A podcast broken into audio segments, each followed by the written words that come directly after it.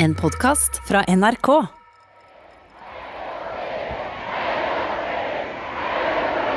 Utenfor Grang har nå folkemassen stormet plassen foran hotellet her, hvor føreren står og tar imot deres hyldest. Vi kan høre hvordan disse titusener nede i gatene her jubler opp imot uh, føreren, hvor han står her smilende og hilser alle sine kampfeller. Norges egen versjon av en nazidiktator står på balkongen på Grand Hotell og skuer utover et hav av tilhengere med strake armer. Og Vi kan også se små barn nede i gatene med norske flagg vinke opp hit hvor føreren står i det skarpe lyset fra lyskasterne, slik at alle kan se ham. Nå kommer han atter en gang ut og tar imot hyllest. For folka som for guderen skal denne mannen få bli en helt helt fram til vår tid.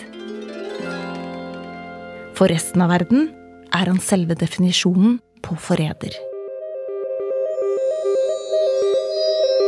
Jeg heter Trude Lorentzen, og en evighet etter naziopptoget på Karl Johan sitter jeg hjemme i stua mi og kikker på en nettauksjon da hjertet slår raskere. Jeg har funnet noe som jeg ikke ante fantes, og som jeg i hvert fall ikke trodde var mulig å få kjøpt. En slitt, gammel koffert i brunt lær, full av skraper og skrammer. Med klistremerker fra fine hoteller og fremmede byer på sidene og med to forbokstaver prega inn i lokket. VQ. Den nasjonale regjering har overtatt regjeringsmakten. Med Vidkun Quisling som regjeringssjef og utenriksminister. Vidkun Quisling. Mannen som dro til Hitler i smug og påvirka han til å ta landet vårt. Så forhatt at etternavnet hans er blitt til et internasjonalt skjellsord. A vile race of Quisling. Quisling is a traitor. who's been a lamentable sort of quisling figure in Hong Kong's history. But when the chips are down, you're just a, a quisling. What is wrong with you? You quisling? Stop that. Men selv om de fleste kjenner navnet, er det mange som ikke veit særlig mye om Norges største naziforbryter. Ikke jeg heller. Så da jeg oppdager denne brune, gamle kofferten til salgs, så skjer det noe med meg.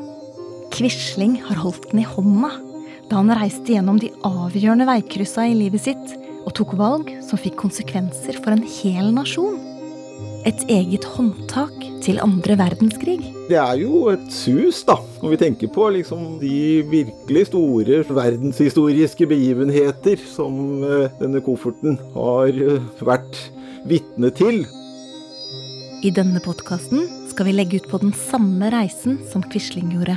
Neste dag ble ministerpresident Quisling mottatt av der Führer i det nye rikskanselliet. Hva? Har han virkelig besøkt Hitler? Hvem var denne mannen som ble Norges fører? Vidkun Quisling var en modig fyr. Anser seg selv som utvalgt. Han hadde bur med ørner, og det var også typisk sånn storhetsvanvidd. Hvorfor ville han være på lag med historiens verste massemorder? Sånn Sondern det er der jüdischen Rasse i Europa. Og hvem har båret videre på den tunge bagasjen han etterlot seg? I mange år så hadde jeg jo ikke kontakt med far i hele tatt. Jeg ville ikke ha en nazist til far, ikke sant. Vi blir sett på som rare etterkommere av uh, onde foreldre. Du hører på Quislings koffert. Første episode Helten fra Telemark.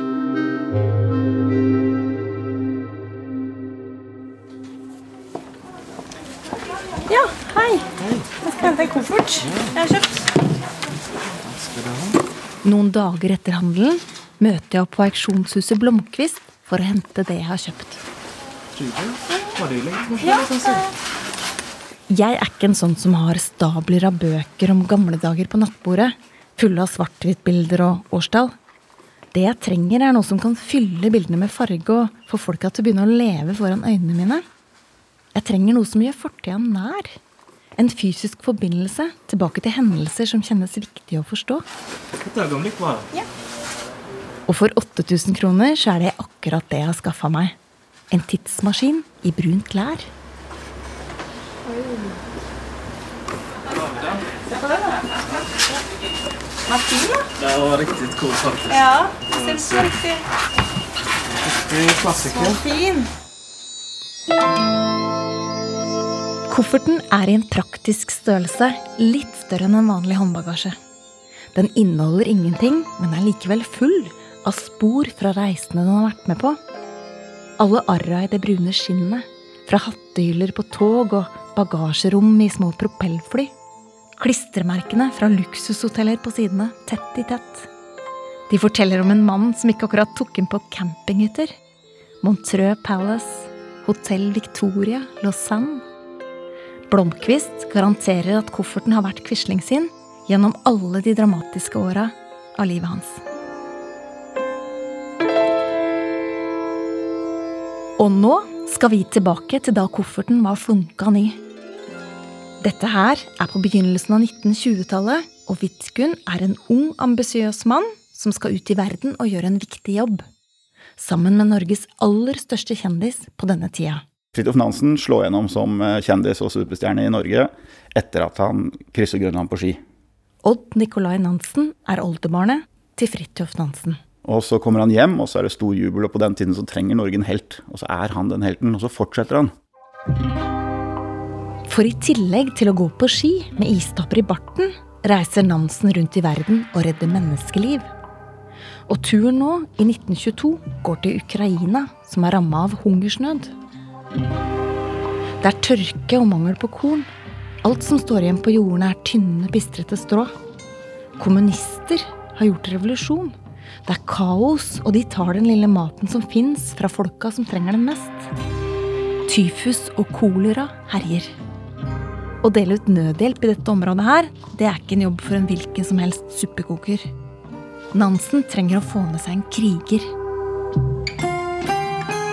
Da blir altså Vidkun Quisling spurt av Fridtjof Nansen om han vil være med og hjelpe til med utdelingen av disse matpakkene, som de sier. Vidkun Quisling fra Fyresdal i Telemark er sønn av en prest, men utdanna i Forsvaret. Han har best karakter av alle som noen gang har gått ut av den militære høyskolen, og han går inn i det ærefulle oppdraget med stort alvor. For Noe av det første han gjør når han kommer til Ukraina, er å reise rundt til mange forskjellige steder på landsbygda for å samle informasjon. For å uh, bruke det til å skaffe mer nødhjelp i Vest-Europa. Carl Emil Fugt er historiker og har skrevet en biografi om Fridtjof Nansen. Ifølge ham tråkker Quisling rett ut i et mareritt. Og der ser han de mest forferdelige ting. Altså, han ser eh, mennesker som eh, ligger døde hauger av lik, eh, og snakker med folk som er arrestert for kannibalisme, f.eks. Altså, det er de grusomste ting, da. Quisling skriver ned observasjonene sine og sender dem til engelske aviser. Jorden er svartbrent og strippet for trær og planter. Man ser strået på takene brukt som mat til mennesker og dyr. Elendige og ofte giftige substitutter brukt til menneskeføde. Hører folket fortelle om hvordan de alt har spist alle hundene, kattene og kråkene de har kunnet få tak i. Selv døde kyr, lær fra seletøyet, tre fra møblene. Ser folket ligge som skjeletter i husene, døende, eller de venter på døden uten noen hjelp i sikte. Dette er et øyenvitne som uh, skildrer uh, det han ser. Vi besøkte og forhørte familien til Nitsjenko Ivan Fedorovic, hvis hustru har drept sine to barn ved kvelning. Dette er fra en av Quislings rapporter som kommer på trykk i The Daily Telegraph. Der forteller han om besøket hos familien Nitsjenko, der moren, Charitine, har tatt livet av to av barna sine. Da Charitin Nitsjenko, som er 45 år gammel og sine handlinger helt bevisst, ble spurt hva fikk dem til å kvele barna deres, svarte hun helt oppriktig og med fullt vitende, jeg kvalte dem fordi de var de svakeste og de mest utmattede, og så tilberedte jeg dem, og vi spiste dem fordi vi sultet. Jeg tror Vidkun Quisling var en modig fyr. Odd Nikolai, oldebarnet til Fridtjof Nansen. Han er jo militær. Og han er etterrettelig, han er grundig. Han gjør jobben ordentlig. Og jeg tror han mener det han gjør. Og, og liker å hjelpe disse menneskene. I flere måneder jobber Quisling og Nansen med å dele ut mat til den sultne befolkninga i Ukraina. Odd Nikolai veit ikke nøyaktig hvor mange mennesker de redder, men det er snakk om flere hundre tusen. Og det er fint å være snill, men for den ambisiøse assistenten så tar uhjelpa seg godt ut på CV-en også. Stjerneglansen fra Nansen var veldig, veldig viktig for ham. Altså, dette var hans store helt, som han fikk lov å, å jobbe med. Han fikk lov å reise med ham, utføre et uh, viktig internasjonalt arbeid sammen med ham. Og det er klart at uh, Quisling uh, har nok tenkt det, at noe av liksom, Nansens helteglorie skulle kunne smitte over på ham. da. Og midt i dette pestbefengte marerittet får Quisling øye på ei søt jente. Det er en ung dame som heter Alexandra, som blir kjent med Vidkun Quisling. Hun er bare 16 år når de treffer hverandre første gangen. Og hun eh, jobber som telefonvakt og har da noe kontakt med de utenlandske eh, nødhjelpsarbeiderne. Og ser nok Vidkun Quisling som en, en mulighet sånn helt med en gang til å skaffe seg selv og moren eh, forsyninger, mat, den type ting. En kveld jeg satt stille og fredelig og leste inne på telefonkottet, hørte jeg skritt nærme seg gangen utenfor, og jeg så opp fra boken. Dette er fra dagboka til Alexandra Voronin. Hun har lyst hår og blå øyne. Døren ble åpnet, og en mann kom inn.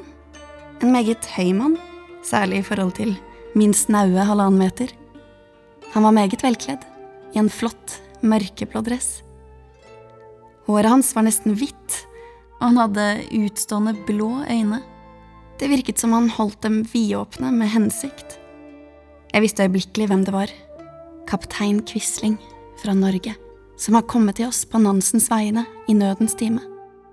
Kontoret vårt hadde surret av opphisselse de siste par dagene, helt siden det ble kjent at den spennende fremmede fra det høye nord hadde flyttet inn ovenpå. Mannen stanset foran meg, og i det raske blikket han sendte meg, leste jeg like stor overraskelse som min egen.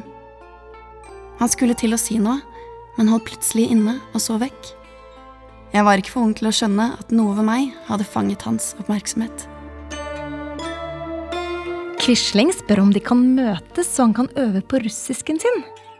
Kanskje han kan komme innom henne på jobben hver dag etter at han har spist middag? Mens han snakket, kunne jeg ikke la være å tenke. Gode gud, han spiser middag hver dag.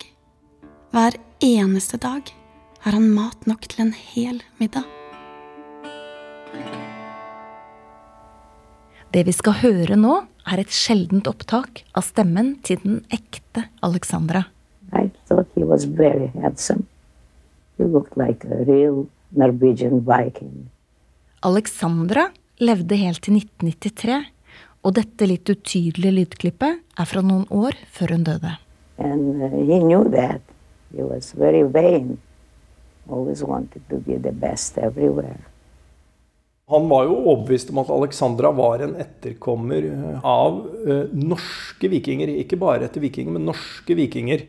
Historiker Carl Emil Vogt forteller at det på den tida her er vanlig å sortere mennesker i forskjellige raser. Quisling mener at den aller beste rasen er den han tilfeldigvis tilhører selv. Til tross for at Alexandra kommer fra Ukraina, tror han at hun også har norske gener. Og Det begrunnet han med at hun var blond. Men da er det en danske som jobber på nødhjelpskontoret sammen med Quisling, som eh, bemerker at alle vi andre så jo at hun farget håret. Så det var ikke noen naturlig årsak til den blondheten. Men, men det så ikke Quisling i det hele tatt. Han ser eh, på henne som en etterkommer av vikinger. da. Dagen etter Alexandras 17-årsdag frir Quisling. Da har de kjent hverandre i fem måneder, og hun sier ja til å gifte seg med han selv om han er mer enn dobbelt så gammel som henne. På veien til kontoret fisker Vidkun opp en liten eske av lomma. Den inneholder en nydelig ring. Tre diamanter med rubiner rundt. Formalitetene tar ikke lang tid. Vi trenger bare å vise frem noen papirer og skrive under på noen dokumenter, og så går vi inn på rommet ved siden av. Der blir det servert drinker, og folk gratulerer oss. så får jeg utstedt en liten rød bok. Mitt første norske pass. Når vi går fra dette kontoret, kjenner jeg meg som en helt annen person. Jeg er fru Quisling. En gift kvinne. Han var jo eldre enn henne, men hun var forelsket i han. Dette er Kirsten Siever, som var venninna til Alexandra og bor i USA. Og hun kunne nesten ikke tro at hun skulle få lov å reise til et normalt liv sammen med denne mannen. Det var som om han var julenissen og en elsker alltid samme person. Kirsten ble kjent med Alexandra da hun var en gammel dame og ville skrive bok om livet sitt med Quisling. Noen ganger så skinte rett og slett øynene hennes når hun fortalte om de gode stundene de hadde hatt sammen. Så skal de hjem til Norge. Men før de reiser, vil Vidkun gå på shopping. I sultområdene selger folk unna det kjæreste de eier, for å mette magen. Store oljemalerier i gullramme. Lysestaker av krystall. Gamle persiske tepper. Quisling får kjøpt de flotteste familieklenodier for en billig penge. De siste årene av mitt liv frem til dette tidspunktet hadde vært et slikt mareritt at det noen ganger kunne være så vanskelig å skille drøm fra virkelighet. Nå var alt med ett rent og klart og duftende av furuskog. Jeg var så lykkelig at jeg kan ikke minnes slik fryd verken før eller senere i mitt liv. Og jeg husker hva jeg tenkte i det øyeblikket. Herregud, som jeg elsker Vidkun.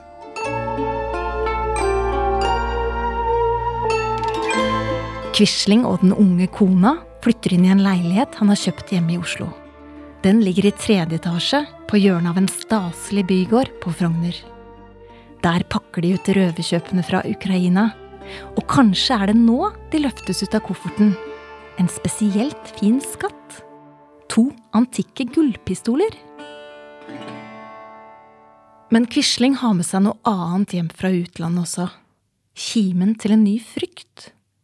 Han har sett hvordan kommunister bare kan ta over makta og la menneskene lide så fælt at de må spise hverandre. Skrekkopplevelsene fra øst skal prege Quisling for livet. Han blir mildt sagt sterkt antikommunistisk. Øystein Sørensen er professor i historie og en av Norges fremste eksperter på Quisling og andre verdenskrig. Han oppfatter kommunismen som den store faren for den siviliserte menneskeheten. Frykten for kommunismen, for den sosialistiske revolusjonen, det blir noe som styrer alt han eh, tenker og sier og gjør. Mens Quisling fortsatt jobber for Nansen og farter hit og dit på ulike oppdrag, lar han Alexandra gå aleine hjemme i leiligheten. Ingen av oppholdsrommene viste spor av menneskelige sysler, som for eksempel en åpen bok på divanen, et sytøy på et bord eller et gjenglemt lommetørkle i en lenestol. Det skal visst ikke se ut som det bor folk der. Quisling krever orden og militær disiplin. Da jeg besluttet å brodere for å få tiden til å gå, bestilte Vidkun med en gang et sammenleggbart sybord med skrin til sysakene mine. Det ville opplagt ha vært en forbrytelse å la arbeidet bli liggende framme.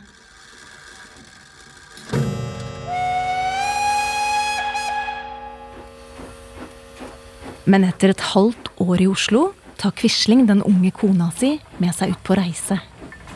Først tilbake østover i en periode, og så videre med tog gjennom Europa mot Paris.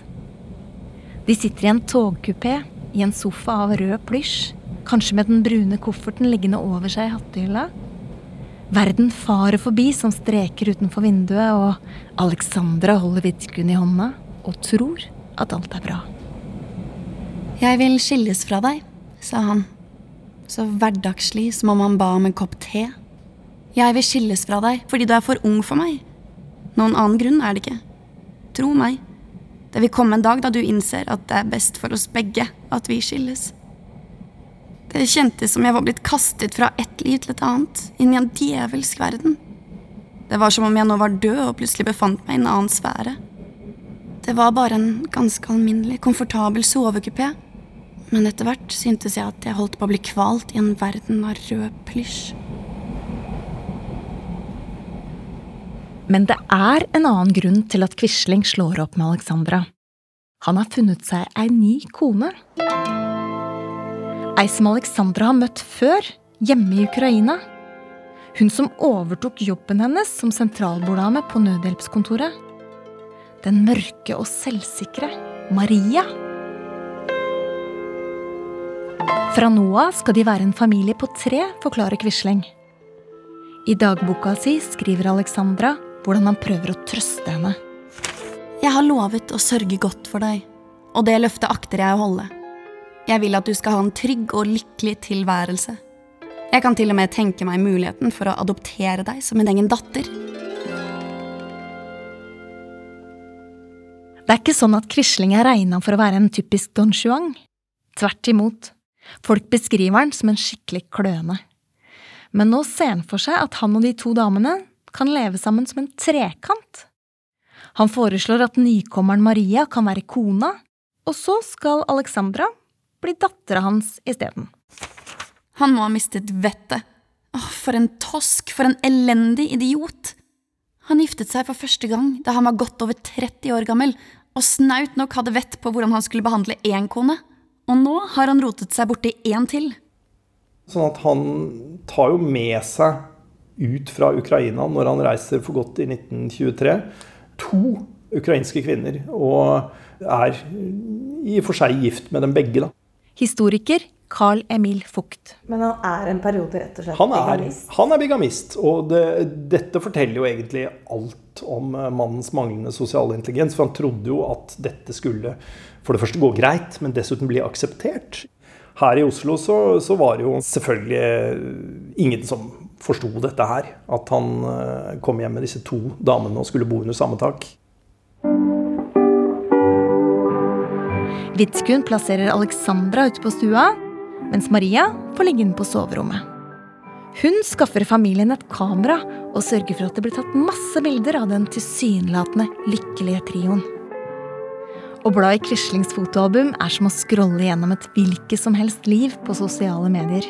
Det er solskinnsversjonen som blir presentert. På et av svart-hvitt-bildene poserer de to Quisling-fruene ute på balkongen med moteriktige bøttehatter på hodet og bleke smil. På et annet bilde står de arm i arm med tjukke Quisling-slekta på hyttetur ved sjøen. Der spiller de ludo og hører på Hawaii-musikk. Enhver som så disse bildene av oss, der vi står like innpå hverandre i stillinger som uttrykker ville vennskap og ikke viser noe av den avskyen jeg følte, måtte sannelig tro at en kjæresteidyll hersket i vår lille husstand. Det gjorde henne kvalm å snakke om det, rett og slett, altså. Kirsten Siver, venninna til Alexandra, forteller at Alexandra, som fortsatt bare er i tenåra, blir helt satt ut av situasjonen. Det er vel ikke så rart, fordi at hun visste hva som foregikk. At de var et uh, menage à trois. Et trekantdrama. Men Alexandra var jo ikke den som kunne ta igjen. Hun hadde ingen makt overhodet. Ingen trodde på henne i Norge. For Quisling, Gullguttene hadde servert denne fine, troverdige historien om den stakkars lille piken som han hadde reddet. Tenk hvordan det må ha vært å være den nærmeste naboen deres. Hvis du la øret inntil veggen, hva ville du ha hørt der innefra? Kanskje stemmene til Alexandra og Maria som krangler på russisk?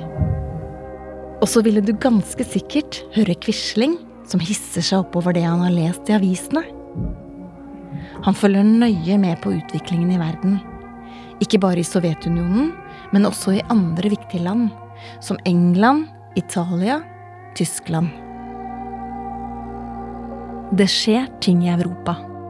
En mann med bart har prøvd å begå statskupp i Tyskland. Nå sitter han i fengsel og skriver på ei bok som heter Mein Kampf. Det er et manifest for en ny og hissig politisk bevegelse som hater jøder og vil lage rasekrig. Etter et drøyt år som trekant påpeker Quisling at den første kona, Alexandra, virker mutt og misfornøyd. Har ikke hun ei tante nede i Sør-Frankrike, i Nis? Kanskje hun kan ta seg en tur dit? Han var det fullkomne forbildet på en kjærlig, velmenende far. Og som så mange fedre lot han meg ikke få noe valg. Et telegram ble sendt til NIS, og en dag eller to senere innløp tantes svar. Hun ønsket meg varmt velkommen til sitt hjem.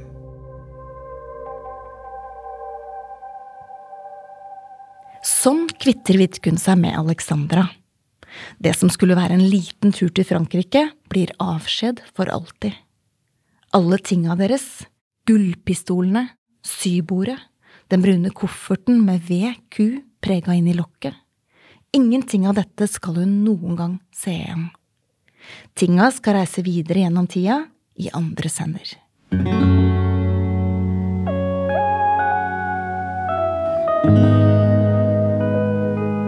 Maria er nå den eneste fru Quisling. Det er hun som skal bli Norges påtvungne naziførstedame. Men ikke helt ennå. Quisling slutter med uhjelp, og nå vil han tjene masse penger på å selge malerier og antikviteter. Han er på flere reiser tilbake i nødområdene, og nå fyller han ikke bare kofferten. Han sender hjem en hel togvogn. 200 oljemalerier, masse gods og gull. Leiligheten på Frogner blir seende ut som et museum. Men så skjer det noe uventa. Fridtjof Nansen ler seg i hjel. Odd Nikolai, Nansens oldebarn. Fridtjof Nansen sitter på eh, verandaen på Poløgra der han bor, sammen med min bestefars uh, kone. Og så har de en kjempehyggelig prat, og så ler han, og så dør han. Av et hjerteinfarkt, eller? Det tror jeg det var. Ja. Men sten død var han, og sånn har jeg lyst til å dø òg. Når en megakjendis av dette kaliberet forsvinner, oppstår det et vakuum. Det er her Quisling ser sitt snitt. Nansen har vært frontfigur for en ny og norgeskjær politikk, og han er blitt hylla med Nobels fredspris for nødhjelpsarbeidet, som Quisling faktisk var med på. Hvorfor skal ikke Vidkun kunne bli Norges nye folkehelt? Og eh, da tror jeg han har litt lyst til å være den som fortsetter litt i Nansens ånd og arbeid. Og tar liksom Nansen-navnet litt til inntekt for sin egen politikk. Slik at uh, han får skinne litt ekstra. Quisling vil være en viktig person, og nå vil han ha makt. Han vil bli politiker. Først prøver han seg på de vanlige partiene, og i en periode blir han faktisk forsvarsminister for Bondepartiet. Omtrent samtidig, nede i Tyskland, har mannen med bart kommet til makta. Der Führer kaller han seg. Folk er ville etter den. De står med strake armer og skriker heil. Året er 1933, og Vidkun Quisling blir inspirert.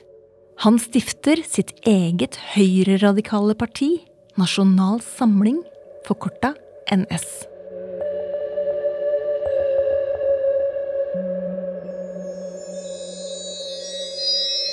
På kofferten til Quisling sitter et fysisk spor av reisen hans inn i nazismen.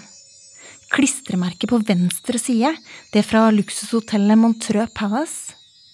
Da han sjekker inn der i 1934, er det for å delta i en internasjonal fascistkonferanse. Og det er nå Quisling for første gang begynner å snakke om jøder som et problem han vil ta tak i.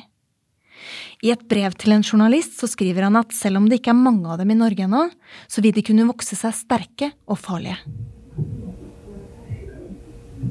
Hvis du er naboen til Quisling hjemme i Oslo nå, vil du ganske ofte høre en ny kvinnestemme inne fra leiligheten. En stemme med et hatsk budskap.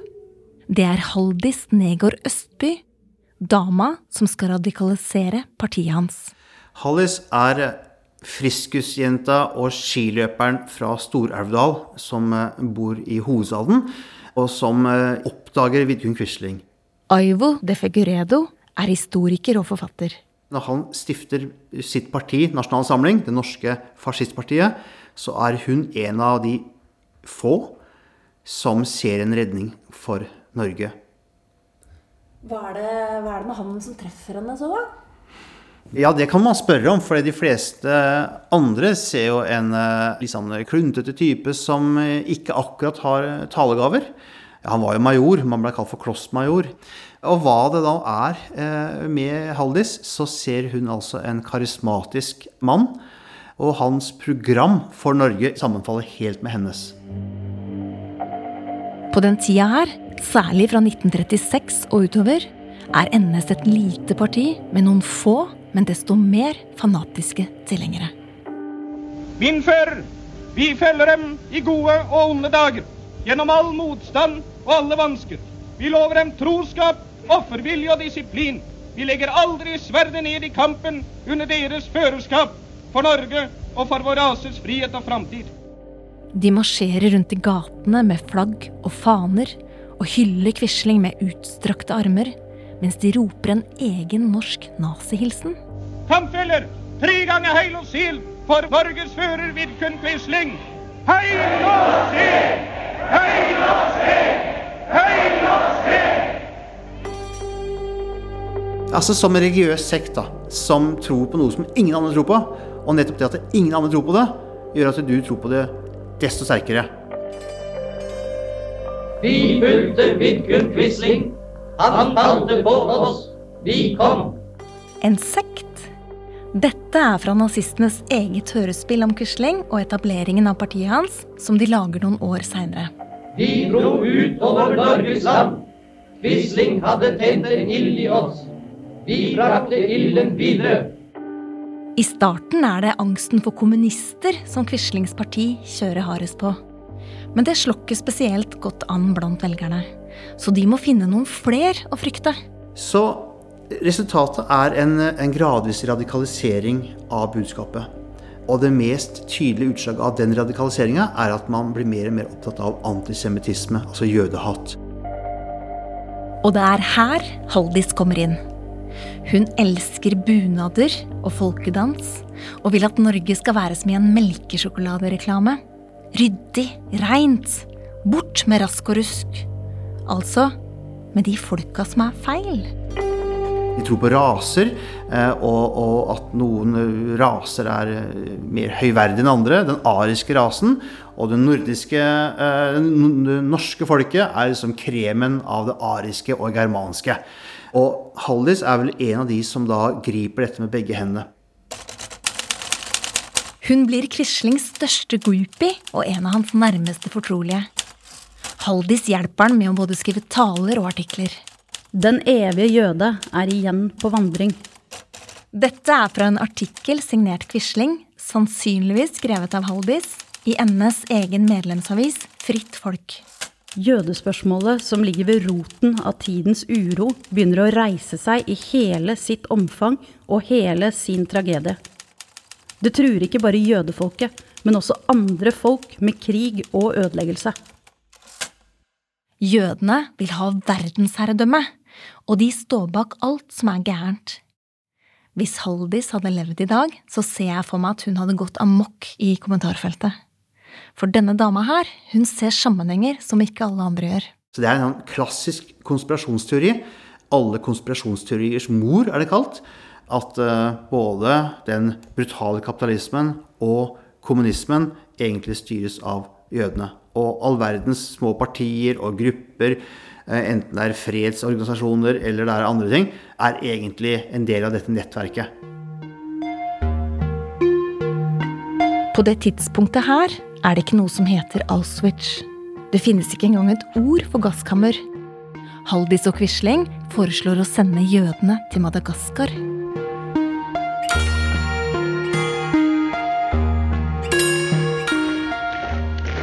Nede i Tyskland knuser nazistene nå jødiske butikkvinduer og brenner synagoger.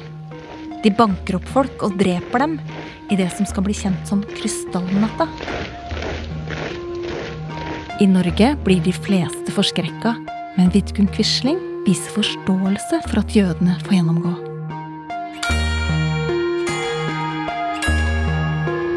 Dann wird das Ergebnis nicht die Bolschewisierung der Erde und damit der siebte Blutung sein, sondern die Vernichtung der jüdischen Rasse in Europa.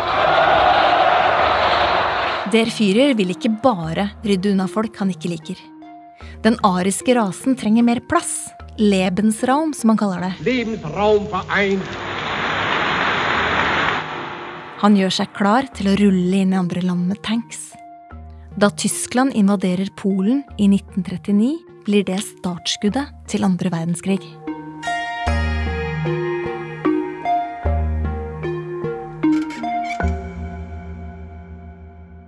For de fleste er altså Adolf Hitler en etablert trussel på dette tidspunktet. Men ikke for alle. Quisling har en plan.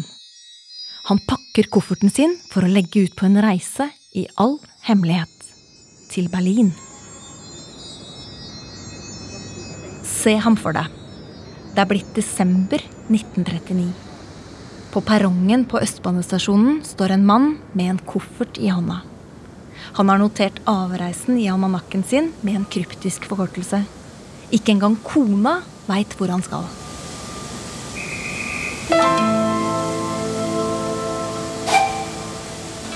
Det er bare et lite skritt opp på stigebrettet. Men idet dette nattoget forlater perrongen, skal norgeshistorien bli forandra for alltid. For Quisling skal besøke Hitler.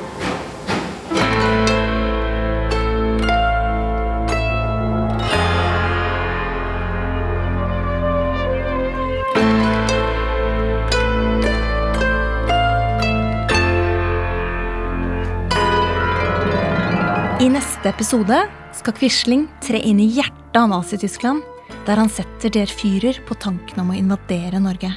Alle forrædere holder sine avtaler med den fremmede makt hemmelig. I natt har tyske krigsskip forsert Oslofjord festning under kamp med festningens batterier. Han måtte bite i seg mye som han visste var galt.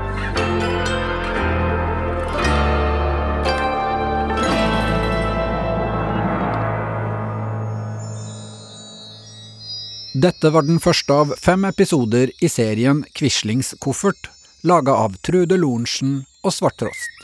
Produsent og lyddesign ved Sindre Leganger. Geir Sundstøl sto for musikken. Prosjektleder hos NRK er Kjetil Saugestad, og Siril Heierdal er redaktør. Vidkun Quislings tekster ble lest av Morten Bergheim. Haldis Negård Østby ble spilt av Ellen Wisløff. Mathilde Storm ga stemmen til Alexandra Voronin.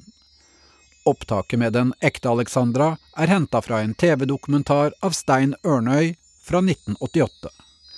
Boka Alexandra Voronin, Quislings unge hustru, som hun selv skrev i samarbeid med Kirsten Siver, er en sentral kilde for denne episoden, ved siden av boka Quisling privat av Arve Juritzen og Hans Fredrik Dahls store biografi om Quisling.